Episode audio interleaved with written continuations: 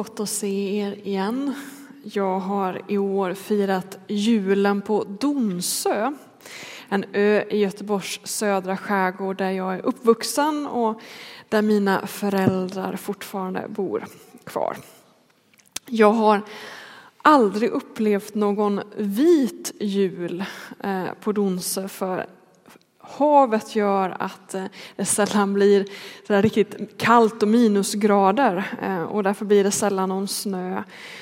Ehm, men vinden och fukten gör att man fryser desto mer ute i skärgården än vad man gör på inlandet. Pappa, min pappa brukar berätta att när Domsö skulle få sitt elnät då då kom det norrlänningar och skulle sätta upp alla stap, stap vad heter det? Stolpar heter det, inte staplar. Stolpar och kablar. Och de här norrlänningarna sa att de hade aldrig frusit så mycket i hela sitt liv som där ute i skärgården. För det här med fukten och vinden gör att det blir så mycket kallare. Även om det inte är minusgrader. Så jag har aldrig upplevt någon vit snöklädd jul på Donse. Men juldagen i år bjöd på ett fantastiskt väder. Det var strålande sol. Och jag gick ut efter frukosten för att gå en promenad. För att ha min morgonbön på den plats där jag döptes för 15 år sedan. Under min barndom så var stora delar av Donsö militärområde. Det var avspärrat eh, och militären hade lagit takt beslag på eh, eh, de bästa badplatserna på ön helt enkelt. Så att Donsöbor fick ofta åka till en annan ö för att bada. För att militären hade de här stränderna och badplatserna som sitt område. Men 1999 så rev man detta och nu skulle Donsö missionsförsamling ha sitt första utomhusdop i mannaminne på den här stranden och jag var med där och en av de som döptes. Och byggnaden, militärbyggnaderna fanns fortfarande kvar. Vi bytte om bakom en av de här byggnaderna. Och det har betytt mycket för mig, den här symboliken att gå från krig till fred på något sätt. Och jag brukar när jag är hemma på Donsö besöka den här doplatsen och, och meditera över vad det där handlar om egentligen.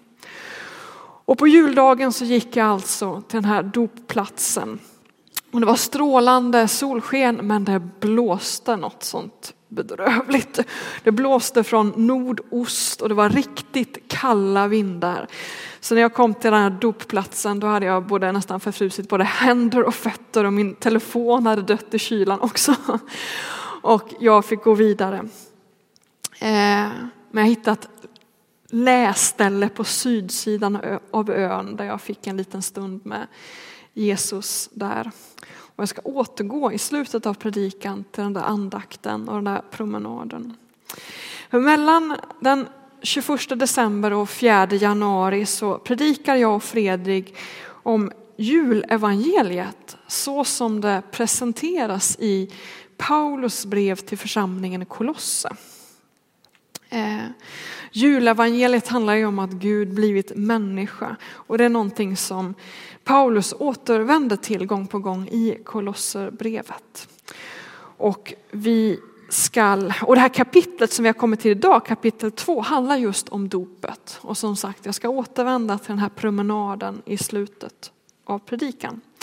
Och vi ska läsa vers för vers i kapitel 2 och titta på det. Vi hoppar över de första fem och landar i vers 6 och börjar där och vi läser tillsammans. Det kommer upp på väggen. Fram till vers 15. Ni har lärt känna Herren Kristus Jesus. Lev då i honom med rot och grund i honom, allt fastare i den tro som ni har undervisats i och låt er tacksamhet överflöda.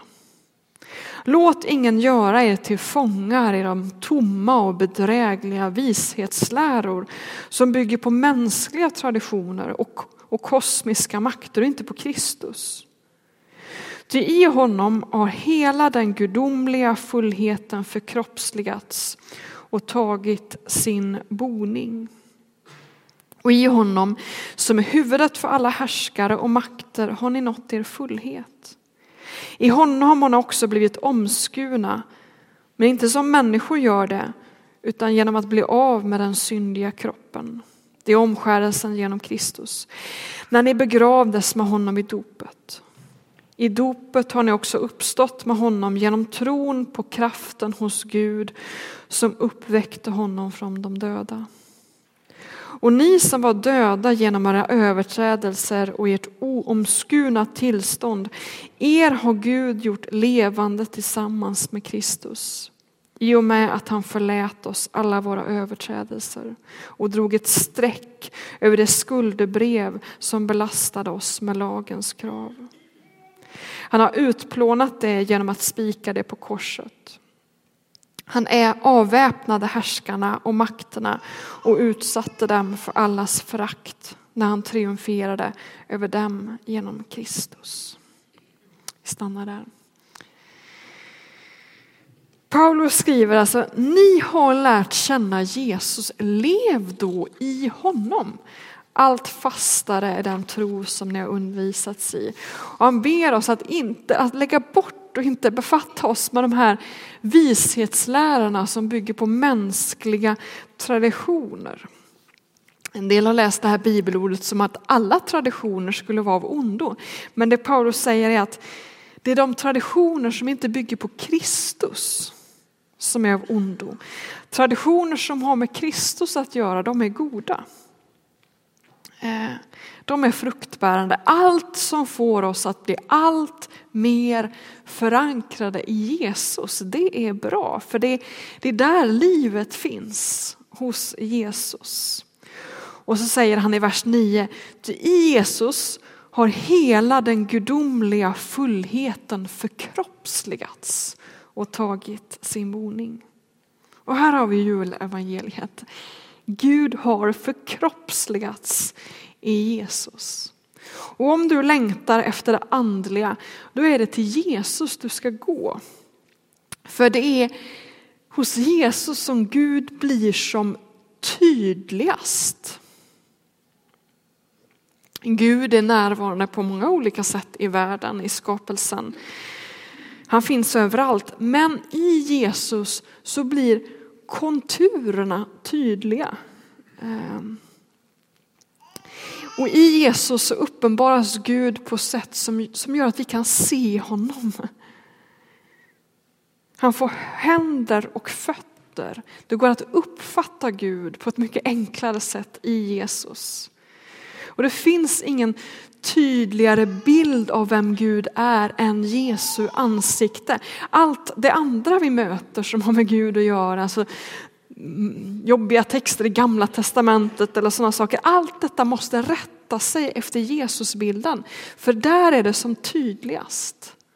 Det är som ett slags facit. I Jesus blir Guds konturer tydliga och alla våra teorier om vem Gud är måste rätta sig efter Jesus och det vi kan lära oss om Jesus i Nya Testamentet. Alltså, Gud blir aldrig så tydlig som i Jesus.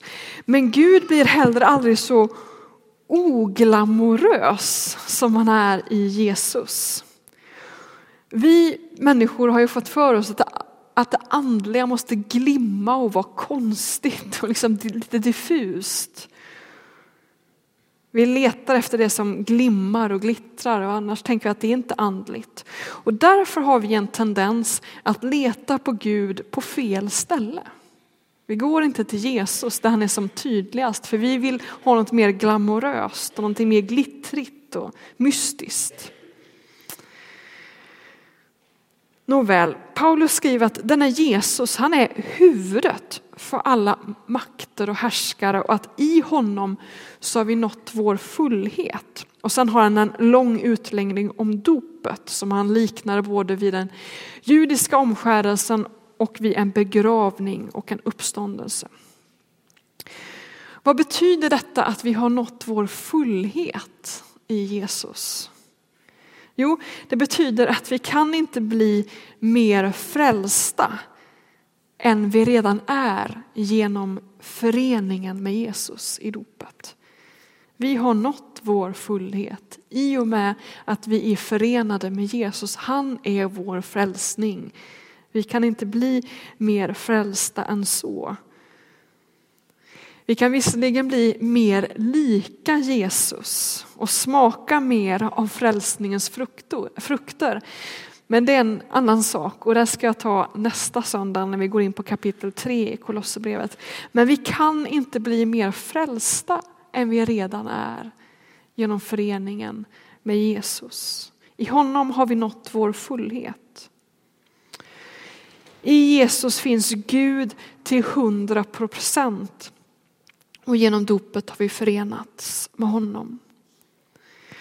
Och nu ska vi läsa vidare för nu varnar Paulus för, för sånt då som, som inte hjälper oss i vår relation till honom som är vår frälsning, han som är vår fullhet. Och vi fortsätter att läsa från vers 16.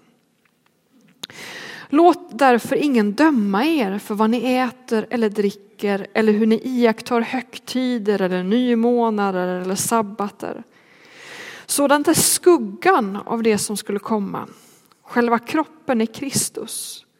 Låt er inte berövas segern av dem som hänger sig åt självförnekelse och ängladyrkan och som fördjupar sig i sina syner.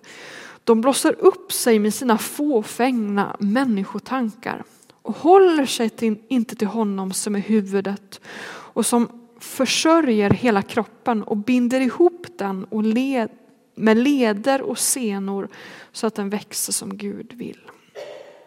Vad betyder detta? Jo, Paulus varnar här församlingen att de inte ska låta sig styras av judiska traditioner, judiska matregler och judiska högtidsregler. Eftersom de här judiska ordningarna är en skugga jämfört med fullheten, det som skulle komma, Kristus. Och sen så säger han, ah, men strunta i det här med änglarna. Änglarna det blivit typ lite av en poppisgrej på den här tiden och man fördjupar sig i mycket det där. Han säger, ah, ägna er inte åt det där. Ägna er åt Jesus, han är ju Gud själv. Släpp det som glimmar och fokusera på Jesus. Vi ska hålla oss till huvudet. Kristus. Och huvudet står både för det som styr saker och ting men också det som ger växt i den här världs... Eh, eh, vad ska man säga? Eh, den uppfattningen som man hade på den tiden. Huvudet var också en källa till liv och växt. Och han återigen säger Paulus, håll er till det som ger växt. Och sen fortsätter Paulus, vi läser från vers 20. Om ni med Kristus har dött bort från de kosmiska makterna, varför beter ni er då som ni levde i världen och underkastade er påbud som låt bli, smaka inte, rör inte. Det gäller ju saker som ska förbrukas och upplösas och bara människors bud och läror. Låt vara att det kallas vishet eftersom det ser ut som fromhetsövningar, självförnekelse och späkningar, förakt för kroppens behov. Nu ska vi landa i det som är predikans egentliga teman. För de här verserna är inte riktigt aktuella för oss. Vårt dilemma är inte att vi fastnar i massa asketiska fromhetsövningar. Det är inte vårt dike, snarare tvärtom.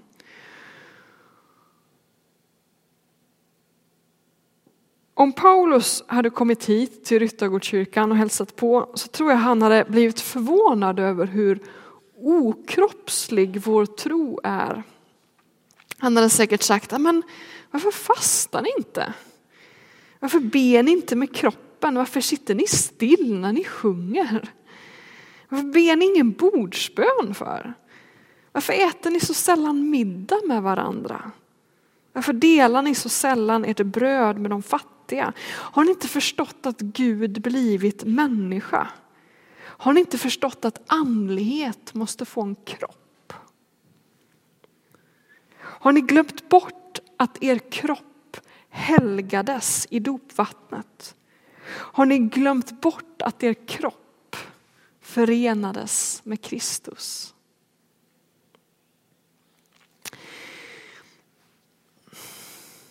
Gud finns ju i människan Jesus och denna människa har vi förenats med i dopet. Och vi är satta till att följa Jesus, att leva som honom, att leva i den här föreningen. Och det betyder att allt vi gör med vår kropp som har helgats i dopet, det har med Jesus att göra. Det är något heligt. Vi följer inte bara Jesus när vi ber för sjuka eller vittnar eller hjälper fattiga. Vi följer också Jesus när vi äter frukost och städar och går på promenad. För Jesus åt också frukost. Han var ju en riktig människa och gjorde mänskliga saker som att sova, sköta sin hygien, äta, gå på fest, städa, arbeta, titta på solnedgången, vänta på att det ska sluta regna så att man kan gå ut och leka. Allt det där har Jesus gjort. Och allt detta har han helgat och gjort till heligt. Och allt detta får vi kalla för efterföljelse och lärjungaskap. Och jag är lite trött på sådana här predikanter, och jag har säkert sagt det själv så att jag ska inte vara, vara så hård nu, men de predikanter som i juletid säger julen handlar inte om skinka och julgran och julklappar utan den handlar om Jesus. Och då tänker jag, varför skiljer det åt? Vi äter skinka och har en julgran och ger varandra julklappar för att fira Jesu födelse. Hur ska vi liksom fira jul annars? De här julmeditationerna handlar om att men nu ska vi liksom tänka på Jesus, precis som att julfirarna handlar om att sitta i ett hörn och bara tänka. Hur, hur roligt är det om man ska fira någonting? Alltså, och det här är vårt dilemma som avslöjar oss att vi tänker tro så okroppsligt. Att tro bara har med tanken att göra. Att fira jul handlar om att tänka på Jesus. Och då har man missat poängen med julevangeliet som ju handlar om att Gud blivit människa och att det mänskliga och det gudomliga nu hör ihop. På ett fantastiskt sätt. Gud kom hit och helgade vårat vardagsliv. Och skillnaden mellan ett kristet julfirande och ett icke-kristet julfirande har eh, med, om man gör det där med julskinkan och julgranen och presenterna och allt det där med trons ögon. Att man gör det i vetskapen om att Gud är med i detta också. Gud är med i detta också. Så hur äter man då en Aladdin-ask på ett kristet sätt? Har ni funderat på det? Hur firar man en kristen jul? Jo, man gör det, nu ska ni få, få reta på svaret här då. Man gör det i tacksamhet till Gud för att han har skapat choklad. Det är så man äter en Aladdin-ask på ett kristet sätt. Man gör det i tacksamhet till Gud som inte har förkastat allt som är njutbart. Utan att han har välsignat det och bejakat detta genom att bli en del av vårt mänskliga liv. Alltså man äter chokladen i tacksamhet till allt det goda i livet och man gör det också i vetskapen att Jesus är med mig nu med. Inte bara när jag ber, inte bara när jag är i Ryttargårdskyrkan, utan han är också med mig här när jag äter min choklad. Och tro mig, choklad blir så mycket godare om man gör det i den tacksamheten i den förnöjsamheten. När man ser på vardagen genom trons ögon så glimmar den till. Och dopet och nattvarden är en påminnelse om trons kroppslighet. Det går inte att döpa om man inte har vatten. Det går inte att fira nattvard om man inte har bröd. Och de här tecknen, de här handlingarna är påminnelser till oss om att Jesus alltid finns vid vår sida. Alltid, alltid, alltid. Vare sig jag firar gudstjänst, äter frukost eller choklad. Han finns alltid där. Så när jag gick min morgonpromenad där till platsen för mitt dop eh, så kunde jag inte ha min andakt där på dopstranden som jag hade planerat för att det var alldeles för kallt. Men det gör ingenting. För det är inte så att vattnet på östsidan på ön, där vi hade vår dop, är heligare än på sydsidan av ön, där jag fick placera mig för att ha min morgonbön. Det ligger liksom inget magiskt i själva platsen eller vattnet. Men platsen är ändå ett minne som jag bär med mig och som jag måste återvända till för att påminna mig om att Jesus är med mig var jag än är. På östsidan av ön eller sydsidan av ön eller på andra sidan jorden. Jesus är med mig och det är inte själva dopvattnet som är grejen. Det är tron på den Gud som gjort våra kroppar heliga som är grejen. Och detta med trons kroppslighet har två diken. Det ena diket det är när trons kroppslighet bara försvinner och inte spelar någon roll alls. Och det diket har vi en risk att hamna i i frikyrkan. Och det är diket när man tror att, att tro bara har med bön och bibelläsning att göra. Och där bön bara, bara handlar om vad man tänker eller säger. Och inte vilken kroppsställning man har till exempel. Att kroppen också får vara med. Eller där vi sällan fastar. Det är ju kroppens bön. Eller där nattvarden och dopet förringas. Eller där åsikter blir viktigare än handlingar. Alltså rätt teologisk uppfattning är viktigare än vad man gör med sin kropp och hur man är mot andra och hur man följer Jesus. Eller diket där vi inte tackar Gud för maten, där vi glömmer bort att ha bordsbön, där vi liksom inte tar med Jesus in i vår matlagning. Det är det ena diket, trons okroppslighet. Och där tenderar vi att hamna. Det finns ett annat dike också när tron binds av det som är kroppsligt.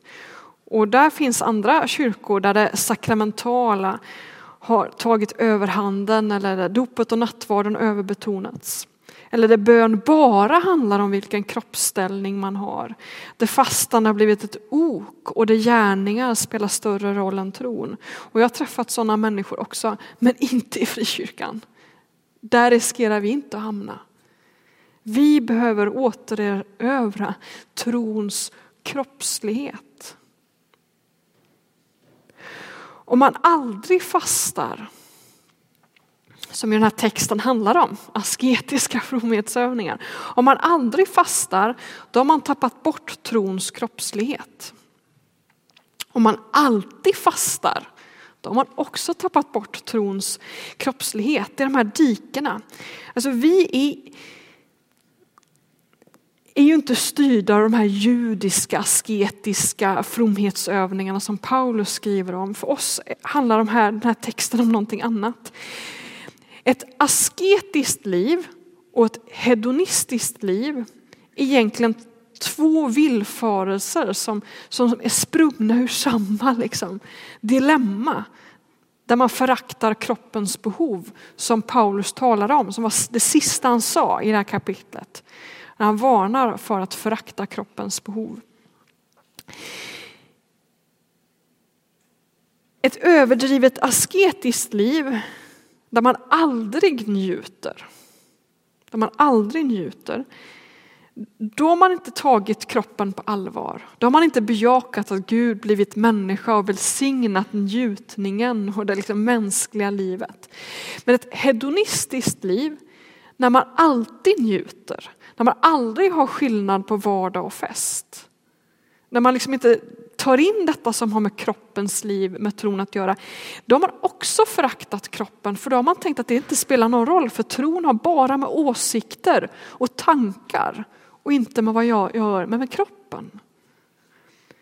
Så ett asketiskt liv och ett hedonistiskt liv är båda en villfarelse på det här området. Båda missar att ta inkarnationen på allvar. Så till sist, ta vara på julen. Ta vara på alla chokladaskar och alla njutbara ögonblick och fantastiska filmer som går på tv. Njut av allt detta och kom ihåg att du gör detta tillsammans med Jesus, att Gud blivit människa, att din kropp har helgats i dopet, om du nu är döpt. Och gör allt detta festande i tacksamhet till Jesus. Vänd allt detta vardagsliv till en lovsång till honom och tänk att du tittar på den här filmen. Du spelar det där spelet, du äter den där chokladaskan som en hyllning till Gud som blivit människa. Gör det. Vi behöver festerna också. Och så kommer det andra dagar då man avstår från livets goda som en bön till Gud. Vardag och fest, fasta och fest. Minns att din kropp har förenats med Gud själv. Att den är helig och att livet är heligt. Låt oss be tillsammans innan vi lyssnar till ett stycke, musikstycke och mediterar över detta. Och sen ska Cecilia bjuda in till förbön. Vi tackar dig Gud för att du har helgat både julskinka och julgran och chokladaskar. Att du, vi tackar dig för att du har skapat allt detta goda. Vi tackar dig för att du har välsignat det genom ditt människoblivande. Och vi ber om hjälp att komma ihåg att vi är döpta, att vi är förenade med dig och att du finns med i allt detta vardagslivet. Hjälp oss att leva våra liv med trons ögon. Att se på allt detta liv med tacksamhet. Hjälp oss att fästa kristet och välsigna fortsättningen på detta julfirande. Och låt oss få se hur, hur du finns i allt detta. Hur du är närvarande i allt detta. Att vi får göra allt detta i gemenskap med dig. Gå också till den som som grubblar över om han eller hon ska gå dopets väg och våga förena sig med dig. Ge han eller hon mod att ta emot denna fantastiska gåva. I Jesu namn.